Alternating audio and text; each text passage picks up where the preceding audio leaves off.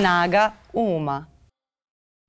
Dobar dan, dragi ljudi. Dobrodošli u podcast Snaga uma. Ja sam Miljana.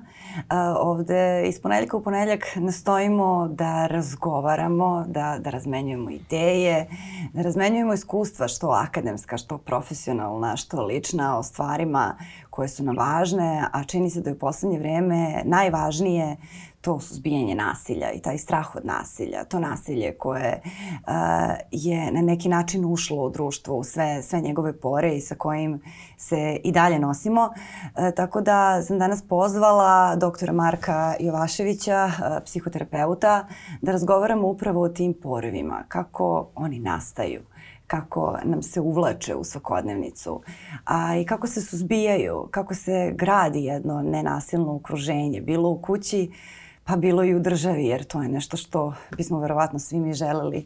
E, Marko, dobro mi došli. Hvala, hvala na pozivu. Kako ste? Pa, malo umorno. da, sad je velika potražnja za, za ljudima vašeg znanja i vašeg poznavanja. Nažalost, uvek e, imamo tu, tu sklonost da tek kada se dogodi nešto mm -hmm. krenemo više da pričamo o tome. Nažalost a, ne da se bavimo tom prevencijom. A, ali htela sam e, da, da krenemo upravo od jedne teze koja se dosta provlači od tih televizijskih sadržaja. Bilo da su to reality programi, bilo da su nasilne video igre i tako i dalje. Kod, kod nas u državi jeste to otišlo u jednom pravcu koji je nedopustivi zakonski kroz upravo to nasilje na televiziji koje gledamo. Ali žela sam vas da pitam e, šta je ono što u nasilju što nas privlači? Zašto volimo da ga gledamo? Zbog čega imamo te porive kada nam neko prikaže nasilje da momentalno ne promenimo kanal, nego je kod tako velikog broja ljudi ono što će ih upravo mm -hmm. zakucati za taj program. Mm -hmm i u stvari prisutna je tako, mm-hmm. jedna, jedna hiperprodukcija ovaj, nekako baš takvog materijala. Da. Da kroz filmove, da, dal kroz serije. A, ovo je jedna tema koju ne možemo da, da, da gledamo iz, iz sadašnjeg ugla, odnosno ne možemo da gledamo iz sadašnjeg, e, samo iz sadašnjeg trenutka ili nekog kratkog e, istorijskog vremenskog perioda, jer je ovo, e, ovo mora da se posmatra sve kroz, kroz jednu formu psihologije koja se u stvari zove granu, grano, da kažemo, psihologije koja se, koja se zove evolutivna psihologija. Da. I um, ako pričamo o ovome i vratimo se nekada nazad kroz istoriju, mi ćemo naići na pregršt takvih sličnih ovaj, uh, situacija i pitanja, je tako, zašto je narod i tada pre hiljadu, pre 2000 godina isto tako uživao, da kažemo, u, u gledanju nasilja. Setimo se samo, na primjer, u rimsko doba, tako, ovaj, koloseum našta izgleda. Pa javnih je pogubljenja koje su bilo glavni događaj, tako je, tako je, paljenja tako je. ljudi i sve to lomača. Čak i kad bi se vratili još nazad i u period pra eh, pračoveka, e, e, taj pračovek je bio konstantno izložen e, nekakvom nasilju. Da li je to nasilje od životinja, da li je to kasnije nasilje među plemena, borba za teritoriju i tako dalje. I kad ja pričam sad o tome, to ne pričam u nekom kratkom vremenskom periodu, mi pričam u stvari o jednom najdužem vremenskom periodu u evolutivnom razvoju čoveka. Mhm. Kad kažem najduže, preko 70%, možda i 80% ukupnog razvoja homo sapiensa. Tako da ovo danas što mi živimo pod nekakvim okriljem, da kažemo, normi, društvenih pre svega ili religijskih i ovakvih i onakvih, to je kratko, to to postoji svega nekih 2000-3000 godina. To je kratko u poređenju sa uh, postojanjem homo sapiensa. I uh, ne, jednostavno uh, ne uspevamo kroz taj, kroz taj proces da suzbijemo tako nešto u potpunosti, da, da to nestane iz nas. Jer je to poriv koji postoji u svima nama, nekakva potreba za, za, za nasiljem u smislu, ne za nasilje, nego potreba za, za odbranom, pripremljenošću za eventualnu odbranu ako nas neko, neko napadne. To je, to je ono što, što se u svakom svakom čoveku nalazi evolutivno da bi preživali na neki način. E sad, kada pričamo o nasilju kao nasilju, mi onda pričamo o određenim poremećajima, je tako? Ako je da. neko preterano nasilan, ako ima problem sa uh, besom, uh, ima problem generalno sa emocijama, pogotovo sa neprijatnim emocijama, mi onda pričamo o određenoj vrsti poremećaja, uh, koja se onda sagledava sa genetičke strane, gleda se sa nekakve fiziološke ili patofiziološke strane, ali nikada genetika ne ide bez epigenetike.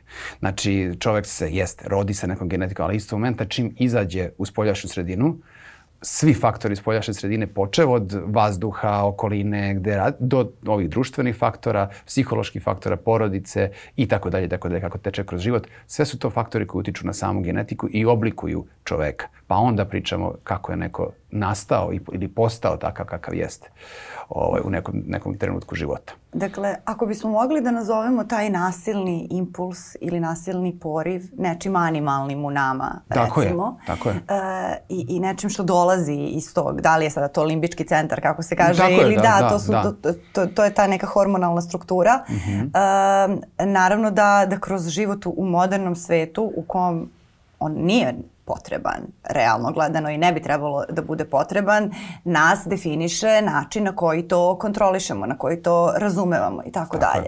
E sad, kako se ti animalni instinkti hrane? Kako mm -hmm. se mhm. oni podstiču zaista? E, znači, prvo kroz ovo što ste i e, postavili e, prvo kao pitanje. Kako to izgleda, da. Nekako to, e, ovaj, pošto je, pošto, uh, kako se postiče, tako što se konstantno uh, si izložen tako nečemu i dobijaš raznorazne ideje i dobijaš raznorazne variacije na temu. A u stvari dobijaš iz nečega što uopšte nije realna slika sveta. Jer ako mi uzmemo uh, nasilne filmove, da. koji su, ne znam, nije, Quentin Tarantino je između ostalog, uh, uh, njegovi filmovi su tako, uvek se završavaju nasilnički, da. on je između ostalog rekao da, uh, da, nasilje je skroz, baš ti rečem, mislim, mislim da ga čak i citiram do detalja, ovaj, nasilje je uh, jako cool na filmovima. To, to, je, to je njegov, njegova izreka. Ovaj, šta to u stvari govori? To u stvari govori da sve ono fight club ili tako neki reality ili sve te neke situacije, to u stvari nisu realna slika onoga što se dešava na polju. Jer evo mi smo sad prošli ulicama, tako? Išli da. smo, ceo dan smo, obišli smo ceo Beograd. Koliko ste nasilja videli? koliko smo tuča videli kao Fight klubu ili kao, kao, kao Tarantinovim filmima. Toga nema toliko u realnom životu, ali e, televizija, e, filmovi, serije, reality i tako dalje, stvaraju sliku da je to, da kažemo, nekakva normalnost. Odnosno da toga treba ili da toga ima. Mhm. Uh -huh. I sad tu, tu čovek koji gleda i koji je ogrezao, da kažemo, u, taj, u taj žanr, ovaj, on nekako tu gubi e, realnost sa, sa spoljašnjim svetom. Mhm. i počinje da veruje u, u, u, u ono što gleda, je li tako? Zato što mu je to... Ovaj... A da li to može da ima i kontraefekat u smislu da se kroz te sadržaje uh, E, kanališu svakodnevni nasilni impulsi, kao što, ne znam, se kaže da treba deci davati da gledaju bajke u kojima postoje zlikovci, čak i kad su oni mhm. strašni, jer deca mhm. nemaju način da nauče o zlu u tim godinama, a opet moraju da znaju da on postoji i onda je to kao bezbedan način. Mhm. da, li, da li ima i toga? Gde je tu? To je velika debata među, uh -huh. među psiholozima. Nešto što sam, što sam istraživao ovaj, na tu temu je da je upravo to, da je, da je opravdanje ljudi koji su nasilni ili koji gledaju stvari, pardon, nasilne, uh nasilne sadržaje, da u stvari govore da se kroz to prazne. Samim gledanjem oni da. na neki način prazne. Uh, studije i nekakve istraživanja su pokazala da to uopšte nije, nije taj, uh, da kažemo, filtrirajući efekat, da to, da to ne pomaže, već da čak pospešuje i da, i da još više postiče, postiče na nasilje ljude. Tako da to, to je samo jedan izgovor adrenalinskih zavisnika u stvari, mhm. koji, koji kroz taj, ko, mislim da se razumemo, ljudi koji uživaju u tome su adrenalinski zavisnici i ljudi sa manjkom empatije, generalno, prema, prema ljudima ili životinjama. Tako da to, je, to su isto ta, ovaj, istraživanja pokazala ovaj, da je karakteristično.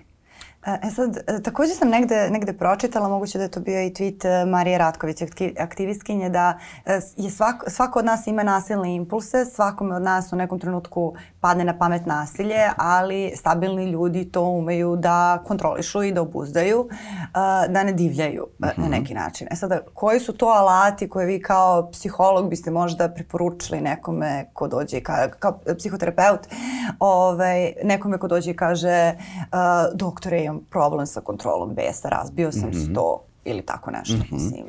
To, to je ove, ovaj, ono što, što amerikanci zovu anger management, odnosno da. kako, kako nekako bes dovesti pod kontrolu. Mm -hmm. I to je večito pitanje, to je jako teža, teška, teška ovaj, e, bes je jedna, jedna od najtežih stvari ovaj, za kontrolisanje od svih emocija, zato što nekako, ta, e, e, a bes ima svoju funkciju, Bes ima, ima, ima svoju ulogu. On nije, on nije nastao bez veze. Kad, kad je malo dete besno, ono pokušava da postavi granicu prema roditeljima, na primjer, da. koji mu zabranjuju da gleda crtani više od 15 minuta.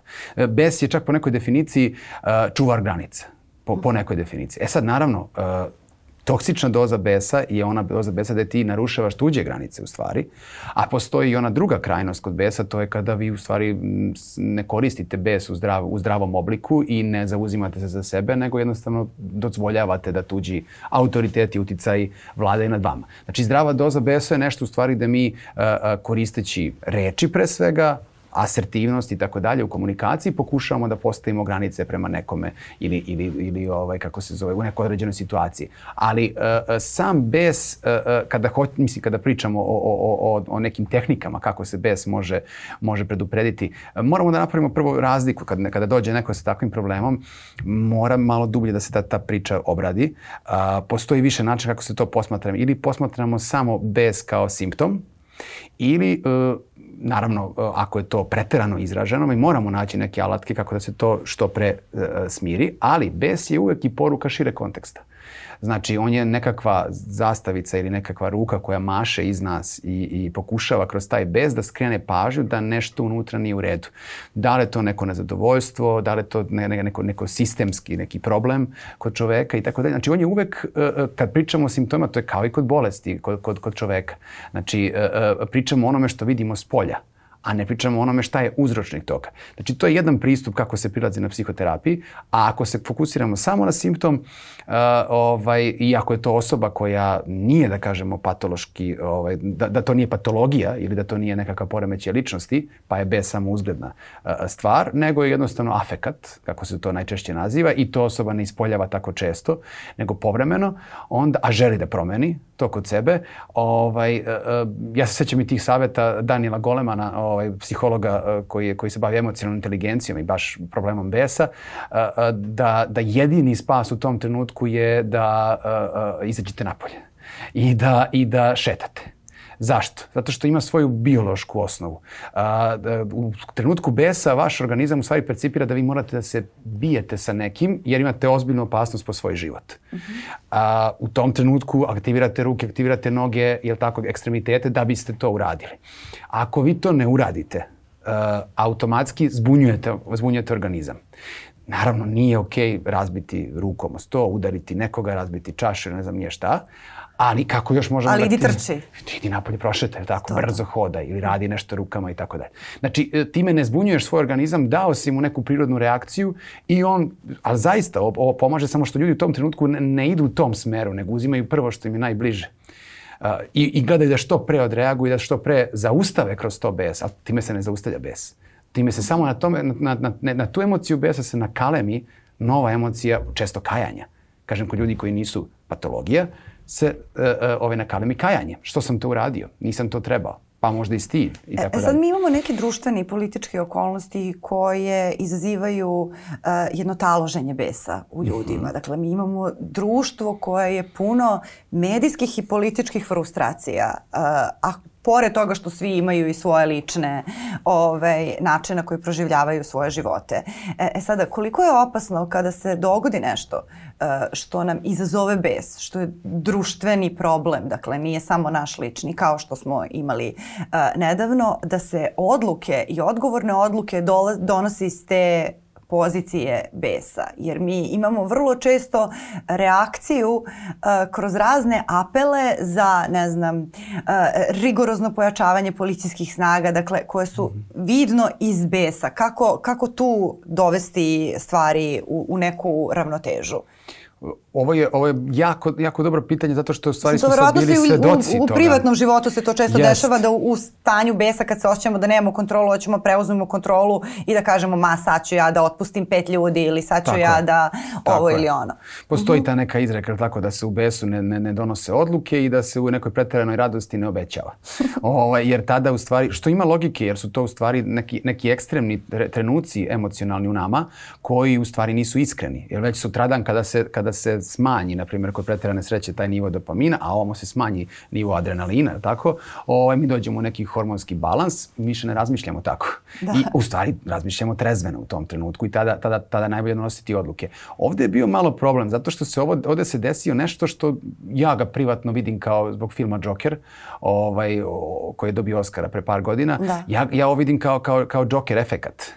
E, ovo što se izdešavalo iz razloga što smo imali jedan slučaj i odmah nakon toga sledeći slučaj i onda nekoliko sporadičnih slučajeva ili tako i nekakvih sličnih situacija ili da kažemo čak i ono što je ovo ponašanje isto ozbiljna priča, pa čak i podrška ovaj, onima koji su izvršili zločin je isto e, e, ozbiljna priča. Sve to, sve to po mom mišljenju spada u taj, taj Joker efekat. Da. Ovaj, I tu je nekako moralo da se interveniše radikalnije, pogotovo kroz, kroz ovaj segment, ovaj policijski deo posla koji, koji imaju svoje metode, svoje načine kako, kako to rade. A, ovo vaše pitanje u stvari ide na ovaj psihološki deo. A, moja prva reakcija na, na ovo kad se desilo, a, ne toliko kao, kao strukovna i da kažemo ta moralna, ta obaveza tog, tog tipa, nego ljudska obaveza. Ja sam ostavio moj broj telefona i, i rekao da se ljudi jave, roditelji tako od dece iz, iz škole koji imaju problema i ne znaju šta da rade, da ih makar uputim ili da, ili da popričamo. Ovaj, ostavio sam broj telefona i rekao sam da do nedelje neću pisati ništa na društvenim mrežama. Toliko je trajao i, i dan žalosti. A, vod, vo, vodič za to mi je u stvari bilo upravo ovo o čemu mi pričamo. Da. Moraju te usijane glave da se, da se, malo, da se malo slegnu, jer ne znamo šta da kažemo u, u tim trenucima, ne znamo šta da, šta da radimo u tim trenucima. Moramo da sagledamo prvo i, i ceo slučaj iz različitih perspektiva, pa onda da sednemo i da, i da, i da o nečemu pričamo. Ali ne, e, ono što ne smije, ne smije da se desiti da ovo postane svakom čudu tri dana dosta. Što je inače karakteristično za za ljudsku vrstu. Neću da kažem za ovo podneblje, nego za ljudsku vrstu. Svugde se zaboravlja jako brzo i prelazi se preko nečega i ide se dalje. Ovde ne sme... Da se navikavamo na čudne stvari. E, Imamo sklonost adaptacije. Tako je, tako je. Adaptacija i neko, i neko š, e, uh, izbegavanje uh, ovih neprijatnih emocija. E, nije ni psihologu svejedno kada treba da razmatra ove, ovu, ovu situaciju, pa čak i u traženju sistemskog rešenja. Jer mora da prođe kroz nekakva raznorazna osjećanja e, e, u tim, u tim razmišljanjima. Nije lako običnom gledaocu koji je od strane medija, ili tako, sa svih strana, ovo izveštavanje kako je izgledalo, ili da, tako, da, da. Ovaj, pojedinih medija je, je bilo do, do, do samih sitnih detalja i tih nekih stvari što, što se kosi sa nekim etičkim ovaj, principima nije, nije lako ni ljudima to da gledaju s obzirom kakve to emocije budi u njima i zašto tri dana čuda dosta, zato što je to u stvari beg dajmo bilo šta drugo, pusti utakmicu, pusti, pusti nešto drugo, samo da, da ne razmišlja više o ovome.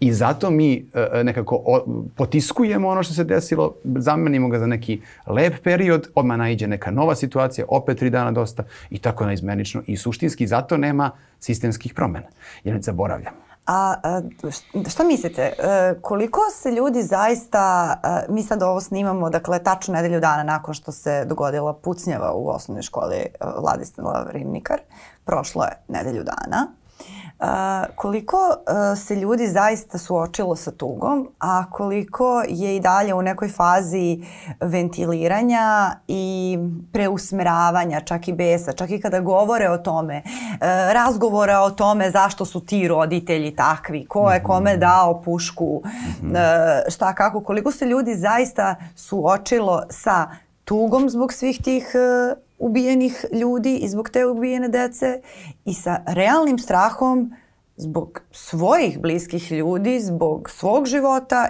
i života svoje dece, oni koji ih imaju. Mm -hmm. Koliko je ljudi zaista došlo do, do te tačke da kažu ok, ovo je problem, ovo su sve posledice, ovo su neke posledice koje me ljute, koje bude bes, a ovo je nešto što me plaši, ovo je, ovo je tuga uh, Freudova priča o, o introjekciji i projekciji. Znači, mi smo skloni tome da, da jednostavno sve što se dešava spolja, što se dešava drugima, da automatski projektujemo u sebe. Uh -huh. I najteže su ovo doživeli roditelji i dece. Znači da. svako ko ima dete, pogotovo malo dete ili dete tih godina ili još mlađe, odmah su se isprojektovali tako da je to, uh, uh, uh, da to može i njima da se desi, da je tamo mogao da bude bilo ko drugi, da je mogao da bude Jasne. njihovo dete, da može da bude i slučajni prolaznik, jel tako?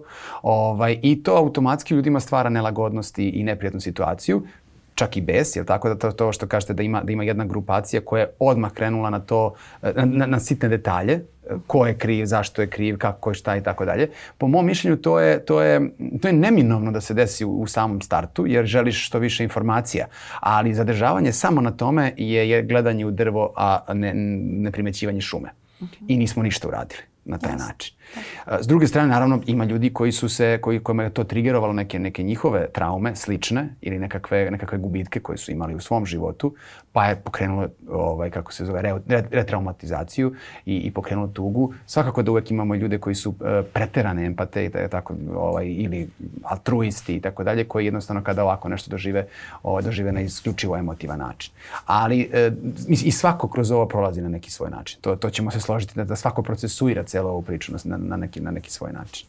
E sada, uh mnogo je, da kažem, kritika upućeno na ljude koji vode ovu državu u kontekstu e, normalizacije nasilja, normalizacije podele među ljudima, postavljanja tih nekih nasilničkih načina razgovora, e, odobravanjem nasilničkih televizijskih sadržaja na televizijama sa nacionalnom frekvencijom i tako dalje, ali čak i ti ljudi e, u svim svojim zvaničnim izjavama zvanično osuđuju svako nasilje. Čak i spinuju stvari koje nisu nasilje, e, nazivajući ga nasiljem i osuđuju. Mi e, redko ćemo čuti nekog političara, sem baš u nekim ekstremnim slučajevima kod marginalizovanih ljudi, da kaže podržavam nasilje, idite, linčujte ovog čoveka. Mm -hmm. Dakle, to, toga nema, ali opet to očigledno nije nešto što dovodi uh, do, do rešenja i do nenasilnog društva. Kako se zaista uspostavlja ta uh, E, nenasilna atmosfera, ono što sam mm. rekla u uvodu, prvo u kući pa onda i u državi jer to koliko god da je različito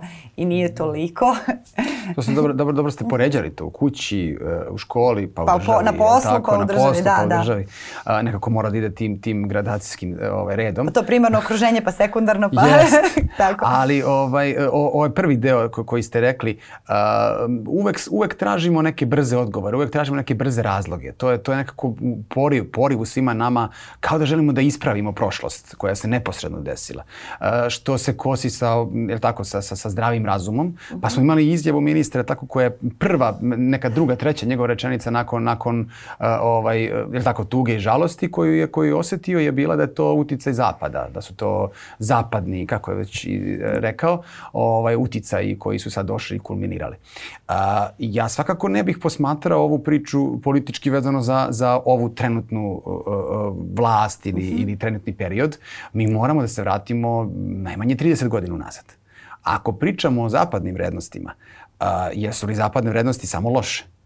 ili ima i nekih dobrih. I zašto mi 30 godina, znači kad kažem 30 godina zna se koji je to period i kakve su sve vlasti prolazile kroz ovu zemlju, zašto je sistemski uh, sve ono zaista najgore sa zapada favorizovano, i gajeno, e, stavljano đubrivo i e, zalivano redovno i poraslo, poraslo i tako dalje. I to ono što danas vidimo kao poraslo, a ima ništa taj zapad da valja? Ja da, tako? Da. Što, što očigledno nikad nismo uspeli da ovde implementiramo, niti smo potencirali da se implementira. Meni je jasno da ono što valja sa zapada ne donosi novac, a ono što ne valja donosi novac. I tu je, mislim, tu se, tu se cela priča negde, negde, negde vrti. Ali uh, uh, uh, i taj zapad kuburi sa svojom pričom. Jako, jako, e, e, uzmemo Ameriku tako koliko su ovakve, ovakve situacije da. česte, koliko se jako često dešavaju. I koliko ni oni sistemski ne uspevaju da, da, da to negde iskontrolišu. Tako šta, šta raditi mislim, u tim situacijama? Ljudi sad pominju, ja, ču, ja čujem po mrežama uh, detektore, ne znam, nija, za metal, pa vidimo u Americi sada da, da se na Floridi uvode obavezni rančevi providni providni ranče. To su sad sve neke, nekakve metode koje uopšte nisu sistemske metode. Sistemska metoda podrazumeva a, a, one dve branše, a to su medicina, to jest zdravstvo i školstvo, odnosno ovaj, kako se zove, da, školstvo i zdravstvo kao, kao dve branše koje nisu profitabilne. One, ne, one ulaganje u njih je čist trošak. Ulaganje u njih nije povratak novca. I za razliku od drugih grana u svim zemljama ovog sveta gde i ti kad uložiš novac vraća ti se i od toga država i živi, ovde nije tako.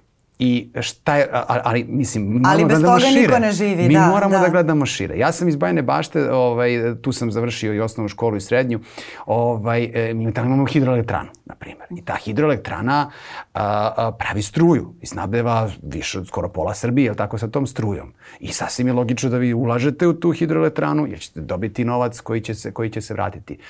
Ko upravlja tom hidroelektranom? Inženjer. Da. Šta je taj inženjer radio? On je bio dete pa je bio u nekoj osnovnoj školi, pa je bio u nekoj srednjoj školi, pa je završio fakultet, pa je došao na tu poziciju da stvara. Kako onda možemo da pričamo da ulaganje u dete nije profitabilno?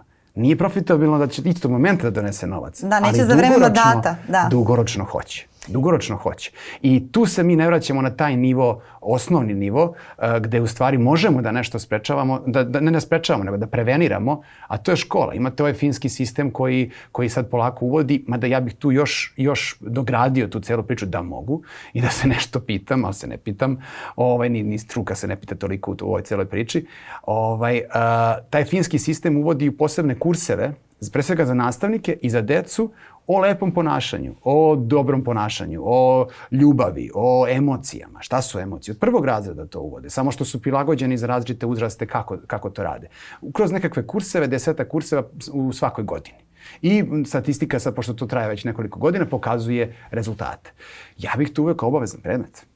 Da. Ako mi iz matematike naučimo u prvom razredu da je 2 plus 2 jednako 4, zašto ne bismo naučili da je ovo tuga, da je ovo da. a, a, a, bes, da je ovo, ne znam, nije sreća, da je ovo a, anksioznost, kroz nekakve smajlije na primjer, za prvi razred osnovne škole. Može svakome da se prilagodi. Nama nedostaju neki bazični predmeti a, a, a, od, od starta školovanja. I, to, I ako se na tim nivoima ne bude, ne bude menjalo, ako se ta, ta, taj, taj momenat ne bude, ne bude ovaj, kako se zove, uh, ako se ne bude ulagalo u taj deo, ništa nećemo dobiti kao, kao, kao krajnji produkt. I, će biti isto. I to je taj, to što ste rekli eh, sa providnim rančevima, to je stvarno, eh, to, to je toliko besmisleno. Uh, i, I meni recimo nije jasno kako uh, odrasli ljudi mogu da dođu na takvu ideju. Eh, da, da, da nikome ne padne na pamet eh, da treba da radi na tome da ljudi ne žele da pucaju jedni na druge, a ne da uvodi providne rančeve, zato što mislim šta god ti da uradiš sa tom školom, znači sad saj da čuva svaku školu e, i da imamo, nemam pojma, ono, infracrvene kamere i sve, ko hoće to da, da uradi, da, naći će način. Tako mislim, je. ko hoće da puca na ljude, pronaći će način, jer svaki sistem ima pukotinu, mislim, to, to tako znamo, kao, kako, ne, kako ljudi kako ljudi ne razmišljaju o tome da, da je poenta da ne želimo da se ubijamo? Jest. Zato što, zato što je to, to je ta takozvana, i postoji čak i psihoterapija koja se bazira samo na tome, ali ona nije uvek produktivna, to je focus mhm. solution uh -huh. Znači, uh, idemo samo na, fokusiramo se samo na soluciju, samo na rešenje, samo na kako da rešimo ovo ovde, a ne gledamo širi aspekt uh, ovaj, i rešavanjem toga u stvari ne vidimo da, da, se, da se taj simptom konstantno vraća. Da. Zato što nije, nije srž, srž rešena to upravo to, znači taj taj ranac, ok, neko će vas demantovati ili će reći da u toj školi smo uspeli da vidimo da je kroz taj ranac bio to. Ali ako je to samo jedan slučaj... Ako će staviti slučajna, u providan ranac, ne stavit će ga u duksericu, mislim kao sakriće ga, sakriće ga, sakriće ga na ovaj ili onaj način. Znači to nije, to nije dugoročno rešenje, mm -hmm. to nije pravo rešenje o kome mi pričamo. Mi moramo da pričamo o rešenju koje će u stvari da bude od starta implementirano, znači da na nekom nivou ovo što ste vi rekli, kako da, kako da ovaj, uopšte dođemo do, nekog, do, nekog, do neke tačke gde nećemo da pričamo o, o, o ružnom ponašanju, o nasilju, kako da dete ne bude nasilno, kako da uopšte ne dođe na ideju da stavi a, a, pištolj u, u, u ranac ili ne znam nija šta. A, to nije lako ako pričamo o patologijama. I to je, to je jedna tema koju ljudi isto zaboravljaju, čak i da. struka da. zaboravlja ovde, da, e, na primer, e, sad rano je još uvek da se kaže, ali na šta liči ovo, ovo što se desilo u, u osnovnoj školi Vladislav Ribnikar, je da to je jedna osoba koja e, po svim kriterijima verovatno ispunjava nekakve, nekakve ovaj, simptome asocija, antisocijalnog, ovaj, kako se zove, poremeće ličnosti. Kod nas e, postoji e, e, to da deci ispod 15 godina ne može da se diagnostikuje tako nešto. Mhm. Ja iskreno mislim da je to po nekakvoj staroj nomenklaturi i da je to po nekoj staroj verziji toga. Sad ne mogu tačno da kažem uopšte koliko je to godina, možda i decenija unazad. Ono što smo izgubili iz vida da su se deca promenila u poslednjih 10-20 godina, 20 godina pogotovo. Da. da se biohemija njihova izuzetno promenila. I da više ono što je nekada pre 30 godina bio, bilo dete osmog razreda, ne može danas da se kalupi u današnje dete osmog razreda. E, devojčice menstruaciju dobijaju mnogo ranije u proseku nego što je to bilo pre 20-30 godina. I sad pregrš takvih stvari da, na biohemijskom nivou. Da, zato postoje i ozbiljna i objašnjenja da je to... Hoću da kažem da... Da je da- to, da kažem, kao do, dobra pojava posledica života u, i, u izobilju u kontekstu je. da ima dovoljno hrane, da možemo da se reprodukujemo ranije, to to je neka biološka stvar, to sam čitala. E, ne možemo uh -huh. sad mhm. tu milijun naši, naši nekih razlika, ali šta je sad poenta toga? E, ovo što, sad što sam pomenuo, na primjer, za diagnostiku, e, ta granica mora da se pomeri. Mora da se razmatra o tome da li je to i dalje ta prava granica za, za, za dijagnozu ovakvog jednog slučaja. Ili mi moramo tu granicu da pomerimo unazad. Takođe i zakon, ja nisam stručan za, za pravo, ali i zakon mora da se, da, se, da se menja u tom smeru. Ali kako, kako svi mi e, da se odučimo od te potrebe da providnim rancem rešimo nešto što je najkomplikovaniji problem na svetu? Jer ovde je verovatno jedan od e, problema koji je došao na videlo, eh, to što se niko iz... Eh, ljudi su se šokirali kada se ta pucnjeva dogodila, ali su doživeli to kao sobstveni poraz mm -hmm. jer su svesni da to u ovakvom društvu je samo čekalo da se desi. Dakle, sada da li je to zaista takva ekstremna patologija koju ste pomenuli ili ne, posle toga smo imali još pucnjava. Eh, činjenica da mi osjećamo odgovornost znači da mi osjećamo da živimo u nasilnom društvu u kom to nije nešto što je nama palo s neba. Kao što bi palo s neba možda u neku drugu, u neku drugu državu mm -hmm. u mhm. kojoj bi ljudi se nosili sa svojom žalosti na drugi način, a ne bi imali potrebu da promene sve, jer možda ne bi ni bilo potrebe da se promene. Da, sve. možda bi manje bilo potrebe da, da. se da se menja. E, da. Jer kao mi svi znamo da živimo u nasilnom društvu. Da. I sad, da li je to pa to izolovan slučaj ili nije, činjenica je da mi osjećamo da smo odgovorni za to. Mm -hmm. Sad, da li za za to ili za nešto drugo. Mm. Ali kako onda da rešimo tu potrebu da providnim rančevima rešavamo stvari i, i, i da zaista prihvatimo da moramo da krenemo od početka. Ja nisam protiv providnih rančeva, niti mm. protiv detektora pa Dobro, ja to i ostalo. koristim kao metaforu, ali, ali, da. Ali, ali, ali mhm. to samo neće rešiti to, problem, to. nego to plus ono o čemu, o čemu mi... A to sada dva vi, policajca ja u školskoj dvori. Šta, okay. god, šta god da je ta neka mera koja ne rešava to... uh, izvor problema, nego kao Tako samo... Je. Ako je neko iz bezbedonosnih uh, uh, jedinica, ako je neko iz policije procenio, oni imaju razloga isto zašto i kako. Ok, to, to je nešto što je neminovno, ali mi pričamo ovde o nekoj drugoj stvari koja mora da ide uzgredno uz tako, uz tako nešto, a to je ovo što ste vi rekli. E, ne može se ta promena o kojoj mi pričamo, ona se neće desiti preko noći Uh, ona se nigde nije desila preko noći. Uh, što, malo pre ste lepo rekli, neće se desiti za vreme mandata jedne vlasti, što je za jednu vlast teško, tako zato što hoće da vidi neke videla odma, da to bude opipljivo i tako dalje. Mi moramo da shvatimo da je ovo sada zalog, ovo je sad bukvalno kao da sejete seme i tek čekate tamo neki period kada će to da, da poraste. Uh, ajde da kažem, ovakav slučaj se nije desio u Srbiji nikada, nije se desio na ovim prostorima ovako nešto, što, što, se, što se u Americi desilo preko 600 ne znam koliko, koliko puta do sada. A, ali je to poziv da se upravo to seme poseje. Šta to sada znači? A, ako država bude uspela da otvori na, e, e, e, na jednu školu od hiljadu đaka umesto jednog psihologa, tri psihologa ili četiri psihologa, znači uh mhm. -huh. nova radna mesta. Nova radna mesta, novi trošak, slažem se. Ali ta četiri psihologa onda mogu da obskrbe jednu školu od hiljadu đaka. Zatim, ako da uz to radimo, pa ba, teoretski mogu, sad dobro, neko bi to možda malo bolje procenio. Ne, ja sad samo razmišljam kako izgleda jedna prosečna roditeljska Viber grupa. Znam. Koliko je psihologa da. potrebno samo za jednu. Ali iskreno ću vam reći, kad, kad, kad sam otvorio svoj broj, uh, uh, da, da mi se ljudi javljaju, dobro, moj Instagram je dostupan i tako dalje, pišu mi ljudi i nekako su se desilo par poruka od, od uh, učenika srednje škole koji su se vjerojatno je tako uplašili kroz celu ovu priču i uh, podelili su sa mnom, ispisali su onako dugačke poruke kroz šta oni prolaze.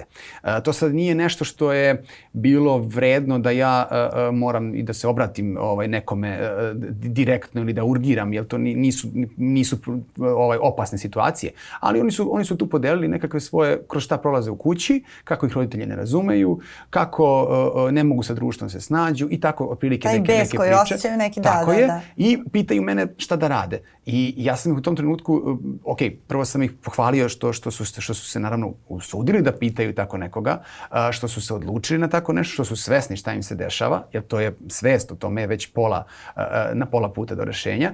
I onda sam ih pitao, jeste li se obratili o ovome vašem školskom psihologu? Da bih ja dobio na to poruku, ja hvala vam puno, nisam o tome ovaj, nikad razmišljao. Zato što je psiholog neko kod koga ideš kad nešto zezneš nešto i... Pogreš. Da, da, Tako to je, to je neka Tako ono... E, to, ne sme da bude. To je jedna kao...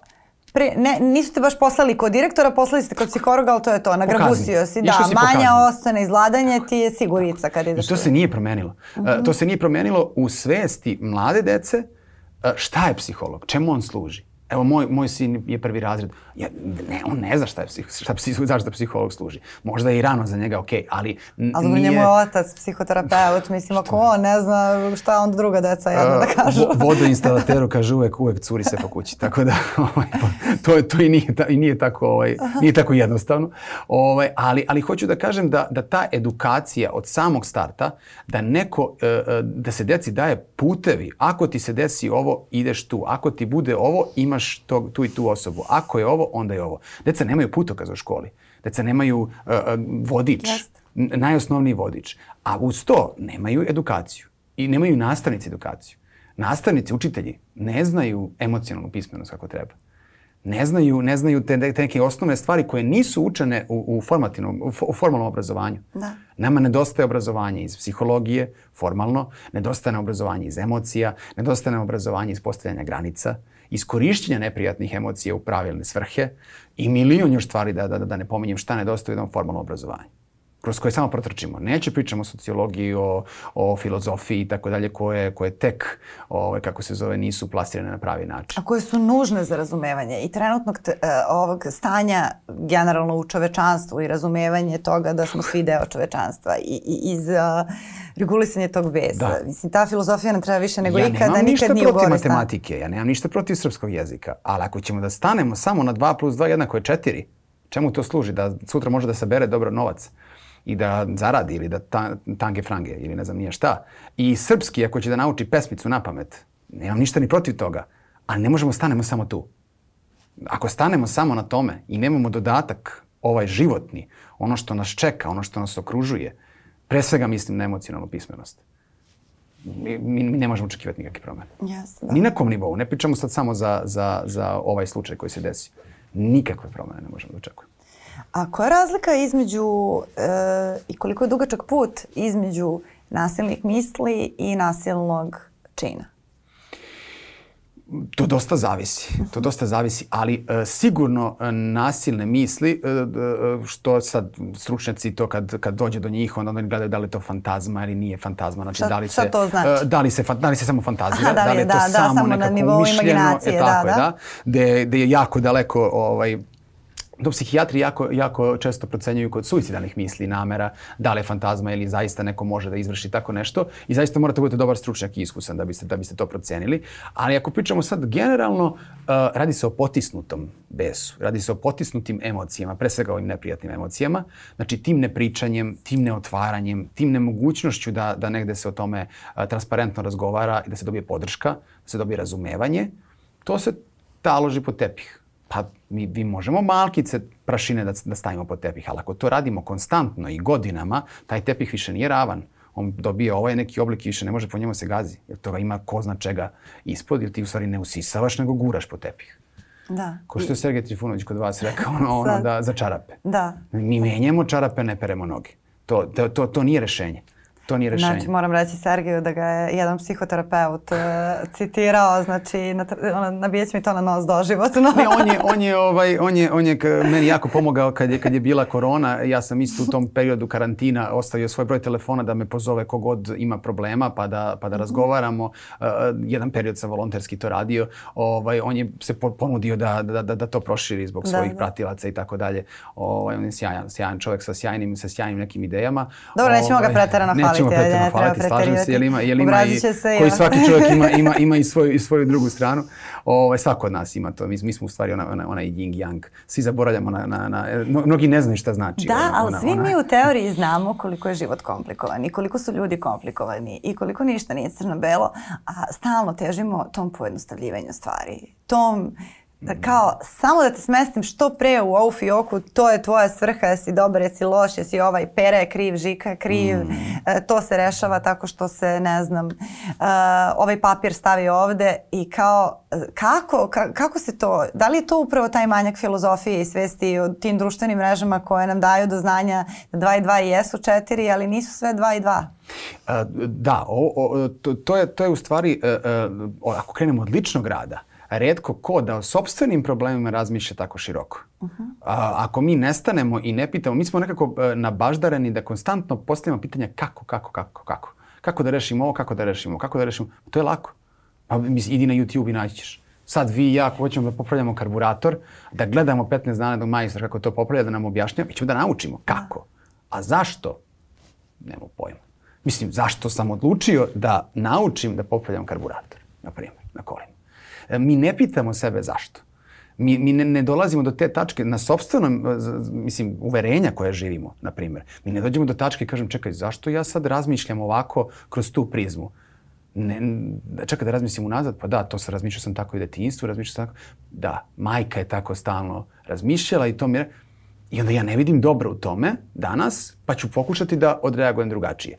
Jer ima neko ovakav način tako često da razmišlja, jako redko. Jasne. Nismo naučeni da tako razmišljamo, da postavimo pitanja zašto. Jeste, ja sam sigurno 10 godina radila se, naučila tako da razmišljam i opet mi treba, ovaj, da kažem, pomoć. Vrlo često to naravno, nekad možeš sam, nekad ne možeš, to uopšte nije, nije Zato jednostavno. Zato i, i kad pričamo o ovoj široj slici i o ovome što ste vi mhm. rekli, a, a, na tim visokim pozicijama da se nešto odlučuje, mora prvo da se zna zašto, u kom smeru mi to hoćemo. Znači, ako sad hoćemo da menjamo zakon... E, koliko je to teško ovoga, na poziciji moći gde je ego toliko... Pa sad, da, ovaj, kogod, kogod je na, na, na tako, niko nije imun. Pa hirurg nije imun. E, spašava živote. Da. Nije lako živeti sa, sa ti u, tom, u, tom, u toj uh, e, mesija ulozi, u toj mhm. spasilačkoj ulozi. E, ja iskreno isto kao, kao lekar, mi svi lekari imamo, imamo taj, taj e, nekako, hteli ne hteli kroz, kroz taj proces učenja, uh, mi se uvlačimo u taj, u taj kostim spasioca. Da. meni jako dugo trebalo u psihoterapiji da shvatim da nisam spasilac nikakav, nego da sam tu samo pomoćnik i podrška i rame na koje neko može se osloni, što je totalno drugačije od hirurga koji zaista tu seče i spasi život za sekund. Drži nekome u par sati, u ruci, da. I nije lako s tim živeti. I da ne pričamo i o, i o političarima koji na tim nekim pozicijama se osjećaju u nekom trenutku da su odgovorni ili da nešto sad tu ovaj, jako bitno ono što budu uradili imaće nekog efekta. Ali to je, evo sad ovo što sam rekao, to je jako bitno. Oni moraju da budu svesni da sve što rade ima dugoročni efekat. Tako da, uh, ako se budemo fokusirali na kako, to je kratkoročni efekat.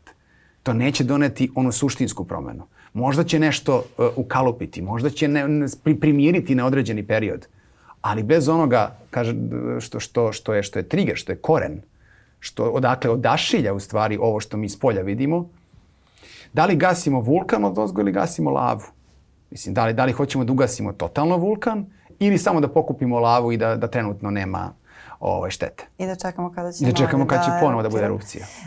Uh, sad, uh, jedan od, glavn, jed, jedan od glavnih predloga i, i sugestija i za roditelje i za ljude generalno jeste da pokušaju da kod svoje dece i kod sebe uh, ponovo probude taj osjećaj sigurnosti. Mm -hmm. Kako se to radi?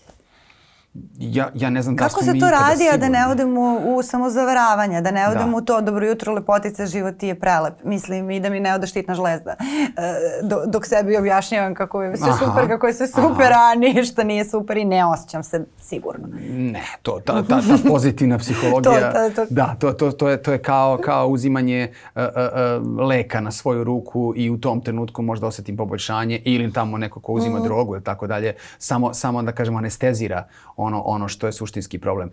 A, moramo da sagledamo, moramo sagledamo svet kakav realan jeste. N ružičast nije. Uh mhm. -huh. Mislim, nigde na svetu. Uopšte cela ova planeta nije, nije ružičasta. I to nije ništa novo. To je, to je nešto čime se bave uh, religiji od, od, od pamtivek. To je nešto čime su se i savremeni filozofi i, i, i psiholozi i, od, i Jung i Freud bavili time i pokušavali da nam pošalju poruku uh, da smo mi, on malo pre kad sam pomenuo taj yin yang, to je meni baš onako fascinantna sličica. Crno, belo, je tako? Pa ona bela tačka u da. crnom, da. crna tačka u belom. To je život.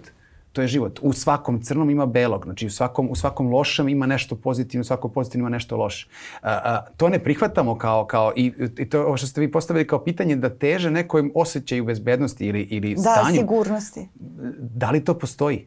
To ne postoji. Da. Mislim, mi, mi živimo trenutno u svetu koji je možda najbezbedniji u istoriji svojeg postojanja. Sigurno. Da. Pre 500-600 godina mi da, vi i ja da krenemo iz Beorada do, do Kragujevca, verovatno bi izgubili glavu neko bi nas presreo i pokrao ili bi nam neki vitez ili tako prošao pored nas ili nekakvi drumski razbojnici, da ne idemo još dalje u, u pra e, čovečanstvo, odnosno onaj, onaj period pra čoveka gde su vam životinje bile problem jer su bile na piramid, u piramidi ishrane iznad nas. Da. One su bile, one su ono što, ono, ono što su mogle da nas, da nas ugroze. Mi danas živimo u jednom najmirnijem svetu. Evo sad sedimo ovde, ovo neće pasti na nas, ovaj plafon, da. sve je okej, okay, da. tako, mislim, ništa, ništa nismo ugroženi. Uh, uh, I, ali dalje osjećamo taj iskonski strah Zato što u nama, koji smo rasli na tim pričama, ti si mamino zlato E, sad, sad me stvarno zanima šta mislite o tome i kako privodimo ovaj razgovor kraju. E, nama niko nije rekao da je svet apsolutno sigurno mesto, niti da je život nešto što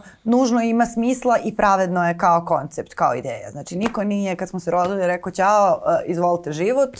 On je jedan pravedan koncept i siguran i sve će biti onako kako treba, sad ajde izvoli živi. Znači, to se nije desilo, mhm. ali opet je jako teško kada nas život podsjeti na to da, da e, nema planeta pravde. nije sigurno mesto, da nije uvek sve pravedno, da nema uvek ni smisla i da nismo mogli sve da kontrolišemo, da neke stvari će Znate samo da kako, padne. To, to su nekakvi koncepti, uh, uh, sve ovo što smo mi izmislili uh, sa ovim kognitivnim našim mozgom, mm -hmm. odnosno kognitivnim delom našeg mozga.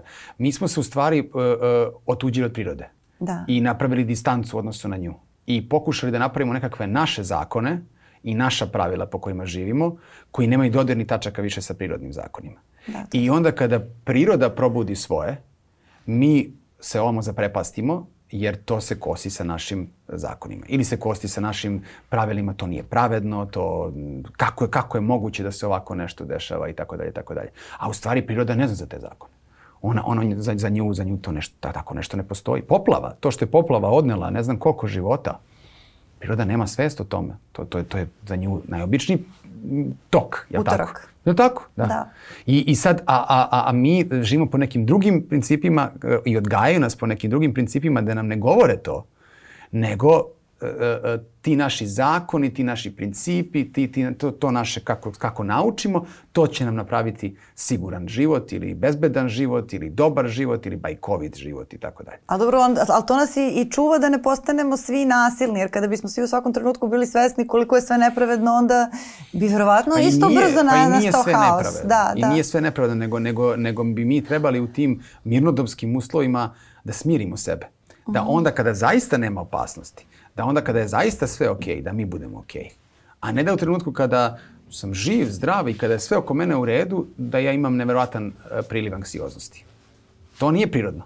Da. To je ono na šta nas e, e, priroda nije pripremala. To je ono na šta organizam uopšte nije, nije, nije napravljen za tako nešto. On je napravljen da e, na realnu opasnost odreaguje da bi se spasao.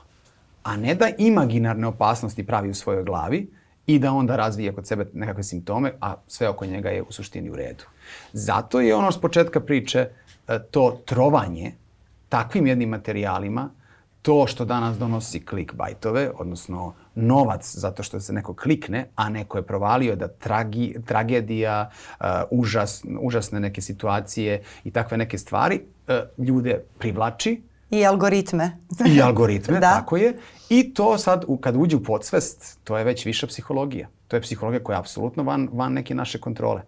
I toliko abstraktna uh, e, uh, e, i toliko se ispoljava kroz nekakve uh, i, i, i efekte koje, koje to, to vam je ono kad kaže uh mhm. -huh. bio je dobar čovjek i samo jedan put pukao. Da, da. Ne, on je taložio u svoje podsvesti svašta samo nije o tome pričao. A i da je pričao, pitanje je, znači opet, da li bi, da li bi, to, da li bi to sprečilo, da, jasno. ali sigurno statistički da bi bilo za njega lakše e, nego, da, nego što je ćutao i što je, što je sabijao tako nešto u sebi. Znači, ostaje nam jedino ono što je sigurno da možemo da uradimo dobro za sebe i za svoju porodicu, da se očistimo otrova i da, da, da radimo na tome. Da. Je, da pa onda korak po korak, kao i sa svim drugim pa mi pijemo ove, ovaj, sokiće, zavisni, e, e, e, bolestima zavisnosti, pa tako, tako i sa ovim, navi, sa ovim činjenicama smo naviknuti odemo, na nasilje. Odemo u teretanu, uh, istrčimo se, odemo u šumu, istrčimo se, udaramo u vreću za boks, uh, popijemo sokiće ovaj, sa, detoks sokiće sa, ne znam, nija, borovnicama, ribizlama i tako dalje.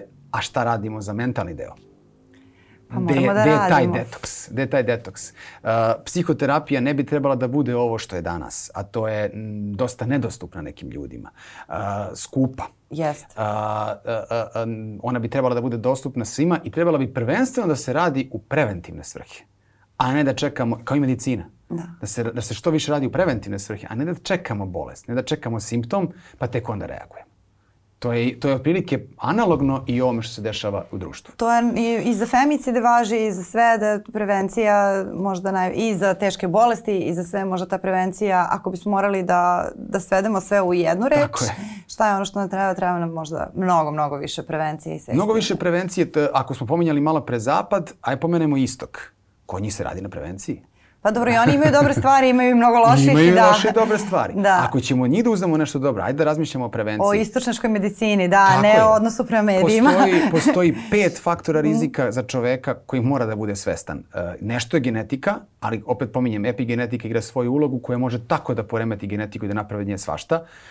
E, kada pominjemo pet faktora rizika, pominjemo pušanje, pominjemo alkohol, pominjemo fizičku aktivnost, to jest gojaznost da. e, i pominjemo a, eh, a, eh, ovaj, kako se zove a, mentalno stanje čoveka. Znači hronični stres, ne akutni stres. Mi kad doživimo akutni stres, taj, taj stres nam je spasao život. Uh mhm. -huh. To je naišao besa pas, ja se popeo na drvo. Da. I ljudi, čovjek kaže, izgubio sam 10 godina života, nisi. Nisi nego si spasao. A hroničan stres je stres koji traje godinama, nekad i decenijama. I kada mi pogledamo našu istoriju, vrlo ovaj kratak period, od nekih 20-30 godina, to je ogroman stres. To je ogroman hronični stres od nemaštine, eh, ratova, eh, eh, strahova, od, da kažemo, ovih, kako se zove, dignete kredit pa na 30 godina pa razmišljate da li ćete moći da ga plaćate i milion takvih nekih stvari koje u stvari konstantno ono što, ja, što smo imali malo preakutno sa, sa psom mm -hmm. na mhm. ulici, mi u stvari imamo svaki dan. I to je taj kronicitet. To nije, to nije dobro, jer ti hormoni koji se luče u, tim, u akutnom stresu nisu dobri za naš organizam, to su, to, to su toksini, ali imaju svoju svrhu i funkciju u, kratkom, u kratkoročnom e, periodu i izluče se iz organizma i sve bude okej. Okay.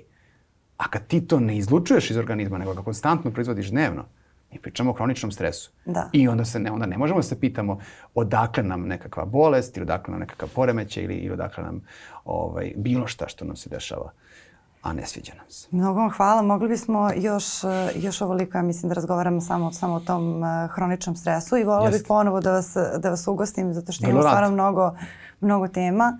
E, o kojima treba da govorimo i volim da govorimo ovde o, o takvim stvarima. Nadam se da smo nekim ljudima malo pomogli, e, da smo rekli neke stvari koje su korisne i da smo možda neke ljude pokrenuli na, e, u pravcu tog rada na sebi i prepoznavanja pre svega tog hroničnog stresa koji nekad utiče i na fizičko zdravlje, ali uvek utiče na to da li se osjećamo da živimo srećne živote. Nadam se, nadam se da će, da će imati efekt.